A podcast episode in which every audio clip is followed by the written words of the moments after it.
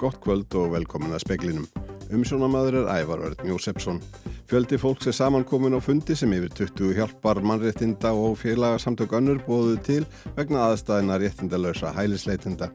Jefgeni Príkosín, leiðtögi Vagner Hopsins, var á farþegarlista flugvilar sem brotlendi nálat Moskvu á sjötta tímanum. Leikmaður íslenska landsliðsins í Knatsbyrnu hefur verið kærður fyrir kynferðisbrot. Hann verður ekki valin í næsta landsliðshóp. Ítrekkaða stýrivaksta hækkanir Sæðlabankans hafa hægt á hagkerfinu að dómi fórsetta viðskiptadeildar háskólans í Reykjavík. Fleira þurfi þó að koma til ef koma á böndum á verðbólguna og þar skipti ríkisfjármálinn kannski mestu. Fórseti ASI segir verðhækkanir ekki tilkomnar vegna launahækkana. Og 31. breyðskífa Rolling Stones er ventalið í september ef rétt hefur verið ráðið í smá auðlýsingu í staðarblæðinu Hackney Gazette í dag. Fjöldi fólks er samankomin á fundi sem yfir 20 hjálpar og mannréttinda samtök bóðuðu til í salarkinum hjálpræðishessins vegna aðstæðana réttindalösa hælisleitinda. Þessi samtök hafa líst þungum áhyggjum af þeirri alvarlegu stöðu sem uppir komin í málefnum flóttafólks sem vísa hefur verið úr allri þjónustu ofnbæra aðila. Skorað er á yfirvölda hverfa frá þeirri ákverðin að svifta þetta fólk stuðningi og tryggja öryggi þess. Valur Grettisson fréttamaður er í herrkastalanum, er hitti í fólki. Já, það má segja það. Hér hafa verið haldnar margar ræður, stuttar ræður, mjög tilfinningaþrungnar. Eh, hér eru 28 hjálparsamtök af öllum toga og ákvæmlega ólík og ég alveg segja hér sem sögulega svona sögulegt atvika ræða þar sem svona margir koma saman hér í Þjóðkirkjan og Amnesty International samtökinn 78 og Rauðukrossin á samt fjölda annara. Þau sendu frá sér hérna, sameila yfirlýsingu og í þessari yfirlýsingu segir að samtökinn skora á yfirvöld að tryggja öryggi þessa hóps, mannréttindi og grunnaðstóð með virku samræði hjálpar á mannréttindasamtök. Hér er ég með, með Þingmann Pírata, Artísi Önnu K. Gunnarsdóttur. Uh, hún er búin að vera að fylgjast með fundunum ásagt mér. Segðu mér aðeins bara, hvað, svona, hvað finnst þér um þetta alls saman?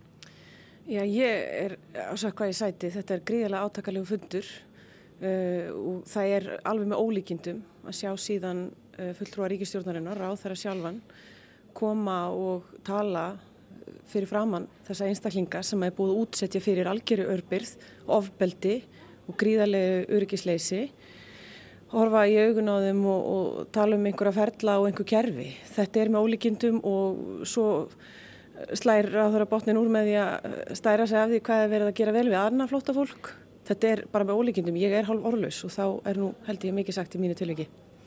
Ráþurann er enþá að tala en hann er að ljúka málu sínum. Við fjöllum auðvitað meira um málið í sjöfrettum í kvöld. Takk fyrir þetta. Jefgeni Prígosín, leiðtói Vagner málaliða hersins var á farþegarlista flugvelar sem brot, brotlendi á sjötta tímanum í dag, samkvæmt rúsneskum miðlum. Tíu voru í vélinni, áhöfn og sjö farþegar. Flugvelin brotlendi á leið frá Moskvu til Sankti Pétursborgar nálagt bænum Kusjankino í tver héradi. Talið er að allir sem vorum borð hafi farist. Rúsneski fjölmiðlinn Tass segir að rannsókn sé hafinn. Leikmaður íslenska landsliðsins í Knaspirnu hefur verið kærður fyrir kynferðisbrott. Hann verður ekki valin í næsta landslýshóp sem verður tilkynntur í byrjun næsta mánadar og hefur KSI upplýst Óge Hareide, landsliðsþjálfara, um þetta. Deva fullirti á vefsínum í dag að umrættur leikmaður væri Albert Guðmundsson sem leikur með Genúa á Ítalju. Vanda Sigur Gestóttir er formaður KSI. Við heyrðum svona óljósa ábyrtingu eða, eða óljósa fregnir myndi kannski frekka segja í lok júli sem við bara fylgjum náttúrulega bara okkar reglum og tilkynum strax til samskiptarákjafa en þá er þetta bara á svona einhverju svona óljósu stíi sem við fáum síðan staðfyrstingu frá samskiptarákjafa það sé ekkert máli gangi en, en síðan í morgun og þá fáum við í rauninni tilkynningu frá lögumanni um að það hafi komið fram kæra um kynferðsbrot. Sæði Vanda Sigurðardóttir. Innlendar verðhækkanir sem Sæðlabankin segir hafi hamlað lækkun verðbolgu eru ekki vegna launahækkana, segir fórseti ASI.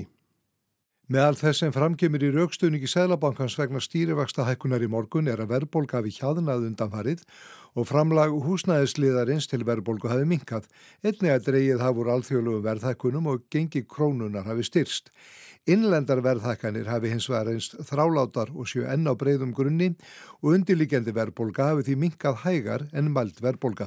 Sko, þær koma mæntalega ekki til vegna launahækana vegna þess að okkar launahækanir eru náttúrulega allar komnar fram og fyrir löngu og svona meðaltali hjá okkur að þá eru við nánast bara á nulli í, í kaupmætti núna meða við, meða við það sem við vorum með þegar að hérna, síðustu kjærasamlinga voru gerði. Það eru bara láluna hópatin sem ennþá eru í, í ákvæðum kaupmætti. Þetta var Finnbjörn að Hermansson Haugur Holmsæði frá. Norska matvælastofnunin hefur segt að fiskeldis Erisan Salmar um 1,7 miljónir norskra króna, jafngildir umlega 21 miljónar íslenskra króna. Mikil fjöldi döðra og sára fiska fannst í kvíum fyrirtækisins. Norska matvælastofnunin og landtelkiskeslan fór í eftirlitsferði í þrændalögum miðan april. Farið var í tíu starfstöðar nokkura fyrirtækja. Hört Hója, starfstöð Salmar, kom verst út úr eftirlitinu að er norska ríkisútarbið greini frá. Eftirlitsmenn fundu mikinn fjölda döðra eldislagsa og fiska sem höfðu hlotið svo kvöldu vetrasár. Það gerist þegar lagsin er ormarhinsaður. Hann er þá skólaður, burstaður eða baður í heitu vatni til að aflúsa hann. Við þetta getur róðið skemst og síkingar geta komist í fiskin. Norska matvalastofnuninn fyrir skipaði Salmar að slátra öllum fiskum í kví en það var ekki gert. Opin sár í söldu vatni verða til þess að fiskar finna til mikil sásuga sem fyrirtæki er sagt hafa hunsað í gróðaskinni. Matvala stopnun telur að forsvarsmenn Salmar hafi brotið lög vísvitandi. Í yfirlýsingu frá fyrirtækinu segir að fiskarnir hafi hlotið viðeigandi meðhundlun. Forsvarsmenn þess eru ósamala matvala stopnun um að það hafi verið grundvöldur fyrir sekt af þessu tægi en ætla þó ekki að áfrýja. Salmar á meiri hluta í íslenska félaginu Arnarlagsi á Bíldudal og er næst stærsta lagseldisfyrirtæki í heimi. Það var Ísakir Ekal sem sæði frá. Brotist var inn á 65 heimili og enga lóðir á höfuborgarsvæðinu í síðasta mánuði. Þetta kemur fram í tölum sem lögreglan á höfuborgarsvæðinu byrti í dag og er þetta mest í fjöldi slíkra ábrota á síðustu 12 mánuðum.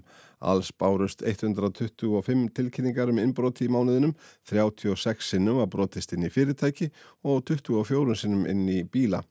Lögreglan varaði við innbrota hreinu á Facebook síðu sinni í loki júli. Gripið var til sérstakra aðgerða til að stöðva hreinuna og lögð áhersla á að upplýsa innbrotin. Fólk var jáfnframt hvart til að hafa samband ef vart yfir við grunnsamlegar mannaferðir. Fram kemur í tölum lauruglustjónars að 437 tilkynningar um þjófnað hafi borist í síðasta mánuði, 55 þeirra snýrust um hnuppl og 67 um stólinn reyðhjól. Þá barust 23 tilkynningar um kynferðisbrot, þar af 21 vegna brota sem áttu sér stað í þessum mánuði.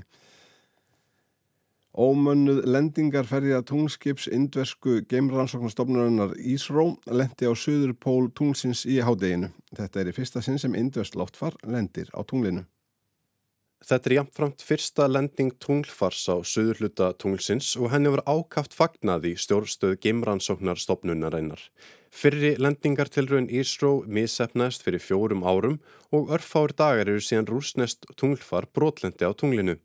K. Sívan, fyrirverandi yfirmaður indversku gemferðarstofnunarinnar, segir hann að hafa bætt úr göllum sem eru til þess að illa fór síðast.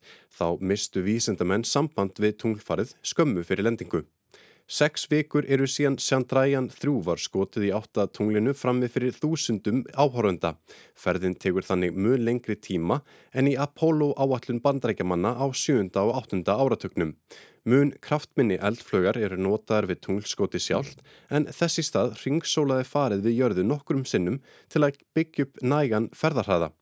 Indverjar eru fjórða þjóðun til að lenda loftfari á tunglinu. Áður hafði sovjetmönnum, bandrækjumönnum og kynverjum tekist að gera sliktið sama. Og það var Ísak Regal sem sæði frá. Rocksveitin Rolling Stones gaf til kynna með óljósri smáauðlisingu í staðarblæðinu Hackney Gazette að von væri á 31. plötu sveitarinnar í, september. Hún nefnist að öllum líkindum Hackney Diamonds. NMI greinir frá. Í auðlisingunni meðal annars vitnaði þrjú þekktustu lögsveitarinnar, Satisfaction, Gimme Shelter og sama letur og nota var á plutinni Some Girls sem kom út árið 1978.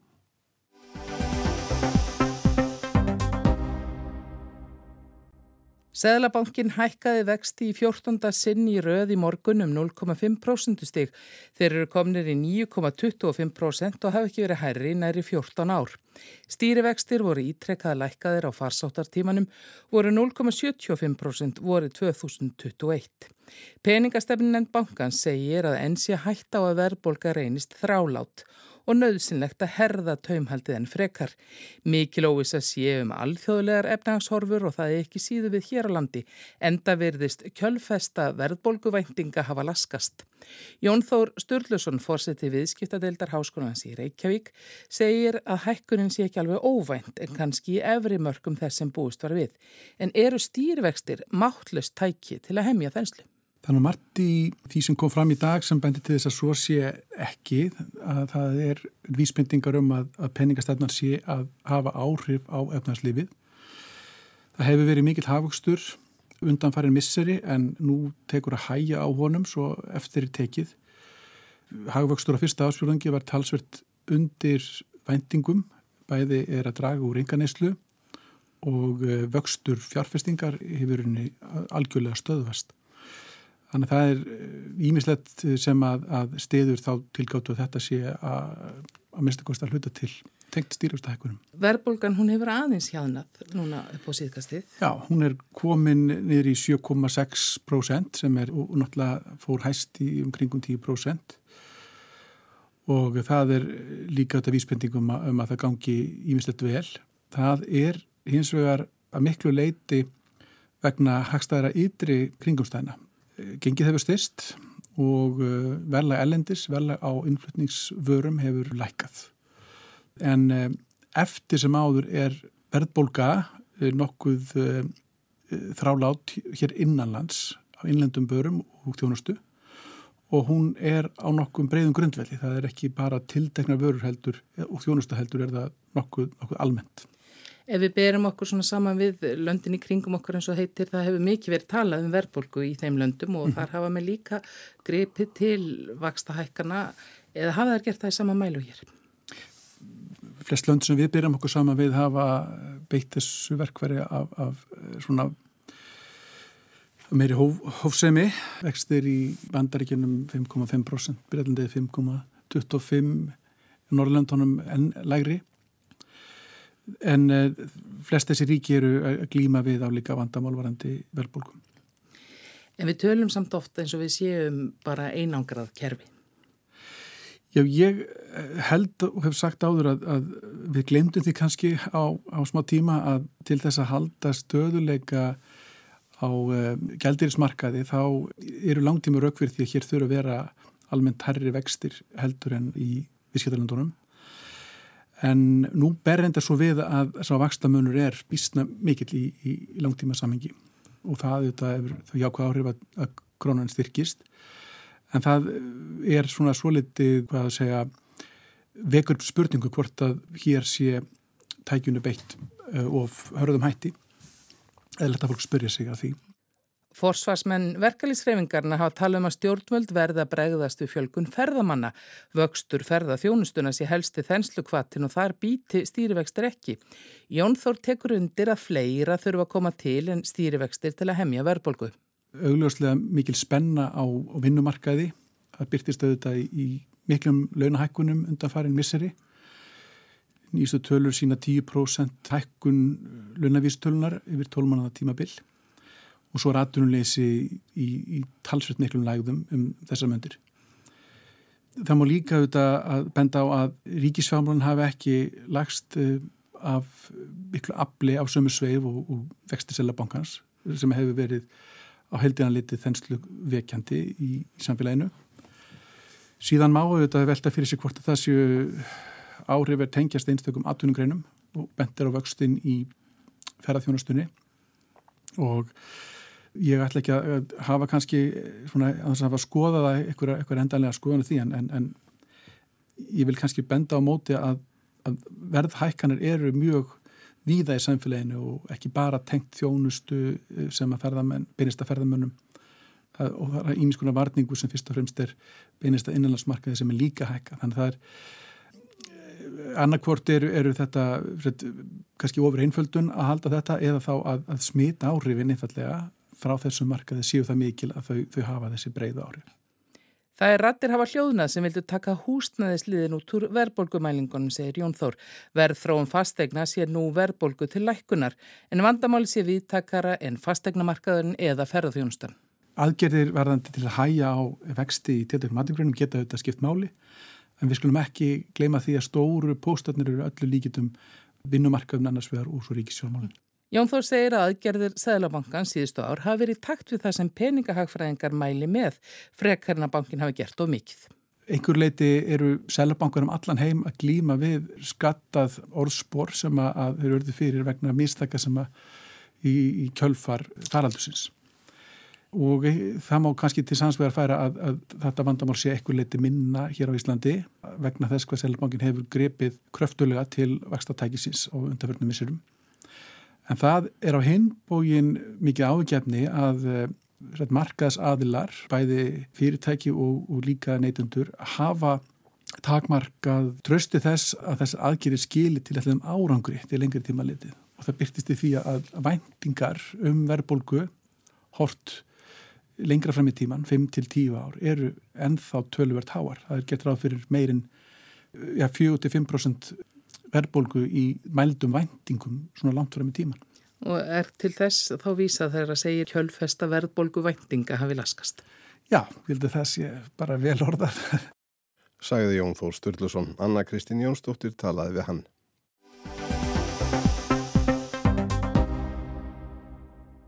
Núverandi leiðakerfi Strætópi S hefur verið nær óbreytt frá árunni 2005 en nýtt leiðakerfi er í pípunum.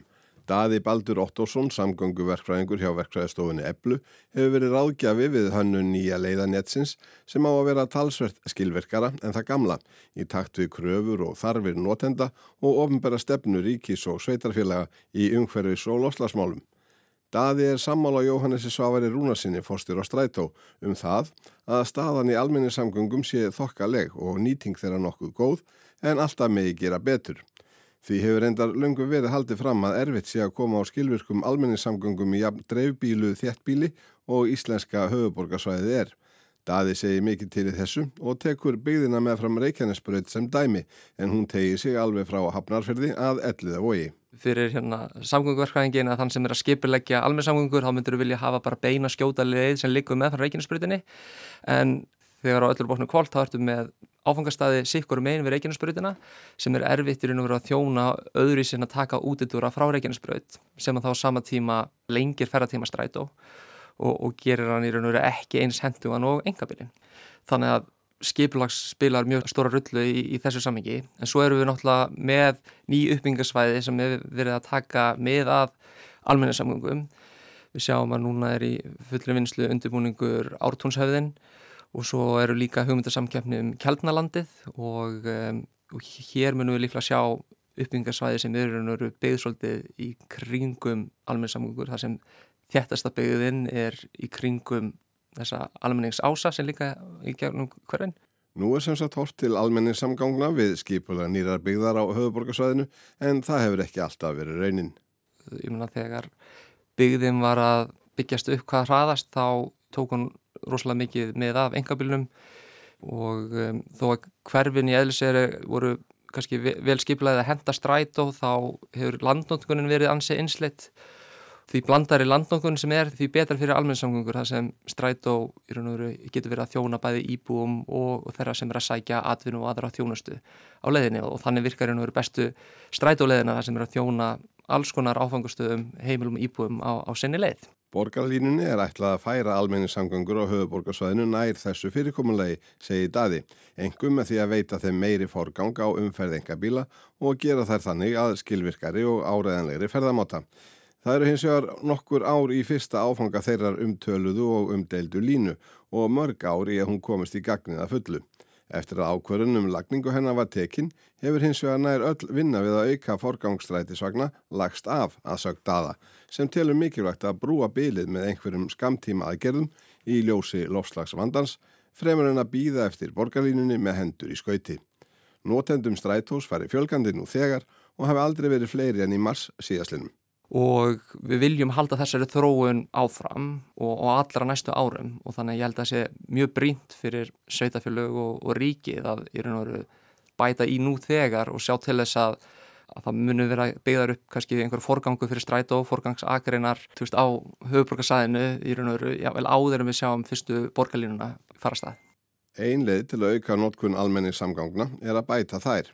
Önnur að torvelda notkun engabilsins með axtur spanni, gjaldtöku eða skattlagningu eins og gert er víða erlendis. Til dæmis í Lundunum þar sem bílaumferð er bannuð á stóru svæði, stóran hluta sólarhengsins nema gegn gjaldi og tilstendur að stækka svæðið og hækka gjaldið.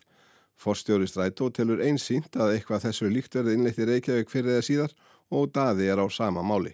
Við getum bætt almenningssamgöngu svo og svo mikið en til þessi raun og veru að fá ennþá fleiri til þess að nýta sér almenningssamgöngur eða aðra ferðamáta þá þurfum við að beita öðrum kvötum og það eins og þú komst með þetta dæmi London og við þekkjum það frá öðrum borgum þar sem í raun og veru já, veggjöld eða einfallega bílastæðegjöld skipta miklu máli í þessu samengi og það hafa til dæmis og eru áallinni hjá Háskóla Íslands um að í raun og veru leggja á gjaldskildu þar.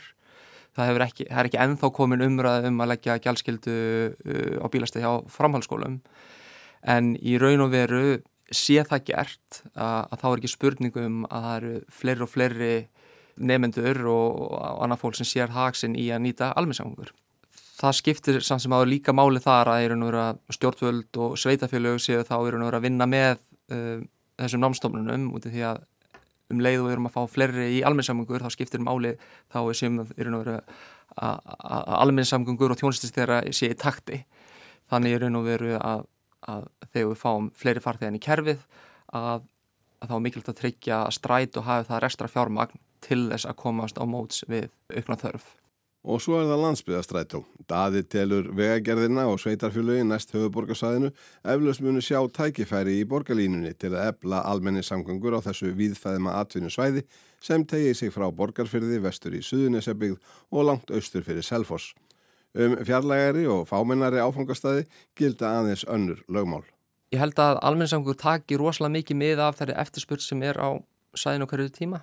Því farri farþegar sem eru í vagninum því dýrar er að reyka þetta þannig að þetta eru kannski erfiðar ákvarðanatökur á að bæta við fjármagnu og auka tíðni og sjá hvort að farþegarfjöldin haldist í hendu við það eða ekki en, en það sem hefur verið gert í raun og veru svolítið að hefur þess að landsbyðin er svo kvölduð pöntuna þjónusta það sem í raun og veru það eru tryggðar að mista okkurstu almenni samgangur þar sem viðkomandi farþegi getur pantað með ákveðinu fyrirvara strætó og hann hefur þá aðgengi að almenni samgangum þegar þörfir á. Þannig að strætóðan virkar sem halger bara taxið eða hvað? Einmitt, einmitt. Það likur ljóst fyrir að ekki vantar farþega á leðinni Reykjavík leifstöð samt sem áður er strætóðun sem ekkur til leifstöðar hálgert olbúa barn og lítið með hann gert nema þá helst að draga úr aðdráttarafli hans sem raunhafum valkosti fyrir ferðafólk þrátt fyrir háleit markmiði stjórnvalda og sveitarfélaga um að draga úr umferð engabíla. Skýtur þetta ekki skökku við? Jú, ég held að flesti séu sammála um að, að það sé ágætist þessögn í þessu öllu saman. Þessu strætu er ekki í dag til keflavíkur, þá er hann að þjónusta þá höfuborgarsæðinu en samt þá fyrst og fremst tengingu við söðunessin og tengingu þar á milli en svo heldur hann áfram upp á flugvellin og, og, og þar alveg þeir sem búið er ekki að spækja þetta nýtt en að komast til og frá vinnu þangað. En hann hefur ekki verið sniðin af uh, þeim ferðamönnum sem kom til landsins eða íbúum höfurbóðsæðinsins að komast kannski í og úr flugi. Þannig að það þarf í raun og veru svolítið róttaka endurskoðun á tilgangi þessa strætó ef þá að breyta hann um að þann hátt að hann er að þjóna betur íbúum og hörbúkarsæðinu eða erlendu ferðamennum að tengjast hér á milli. Sagði daði Baldur Ottosson.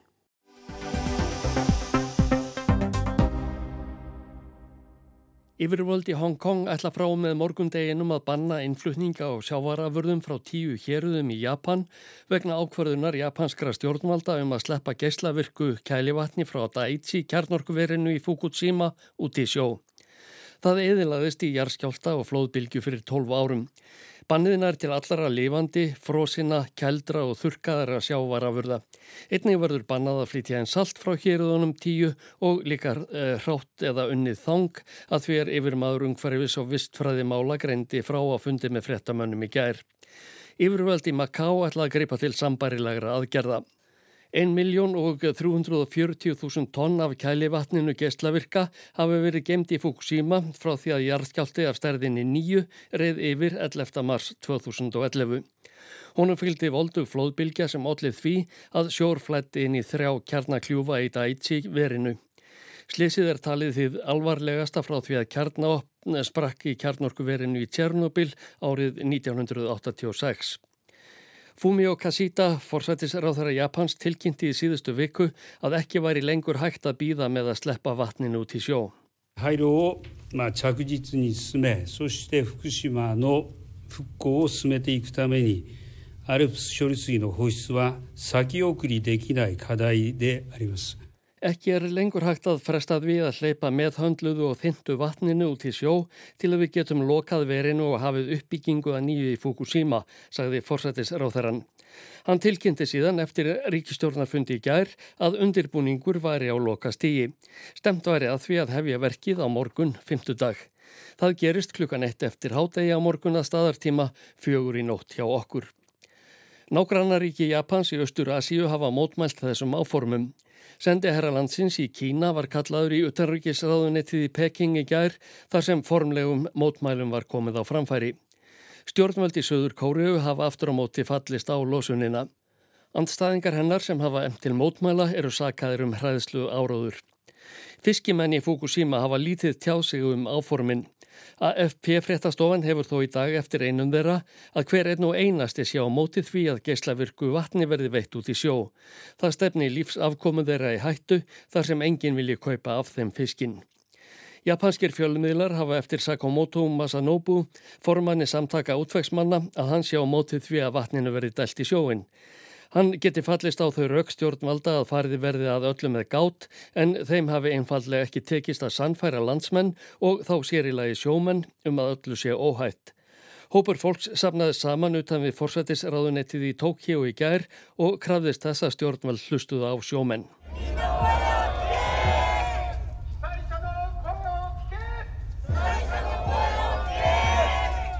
Hlustið á áhyggjurattir sjómanna og fornarlamba kjarnorkuslýsa, ekki menga hafið, kyrjuðu mótmælendur. Áformað er að losa kælivatnið úr kjarnorkuverinu út í sjó á næstu 30 árum eftir að það hefur verið síjað og þeint. Sérfræðingar allþjóða kjarnorkumálastofnunarinnar hafa lagt blessun sína yfir áallunina og telja hverfandi hættu á að geyslavirkni í sjónum aukist. Kynverjar segja að umsögn þeirra sé einhliða, ekki sé tekið tillit til allra sjónarmiða. Japanar segja þeir að noti hafið sem sitt enga skolparæsi. Jim Smith er professor í umhverfisfræðum við háskólan í Portsmouth. Hann hefur rannsakað geislamengun síðastlýna þrjá áratugi. Smith segist í viðtalið við Breska ríkisútvarpið hafa kynnt sér losunar áform Japana og segir að engin hætta sé á ferðum.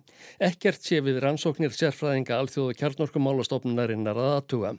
There's also been a, a very nice independent study by uh, Dutch, Ukrainian and Japanese scientists that, that also found it safe. Það hafa einnig farið fram óháðar rannsóknir hollenskra, ukrainskra og japanskra vísindamanna sem segja að öllu sé óhætt, segir Smith.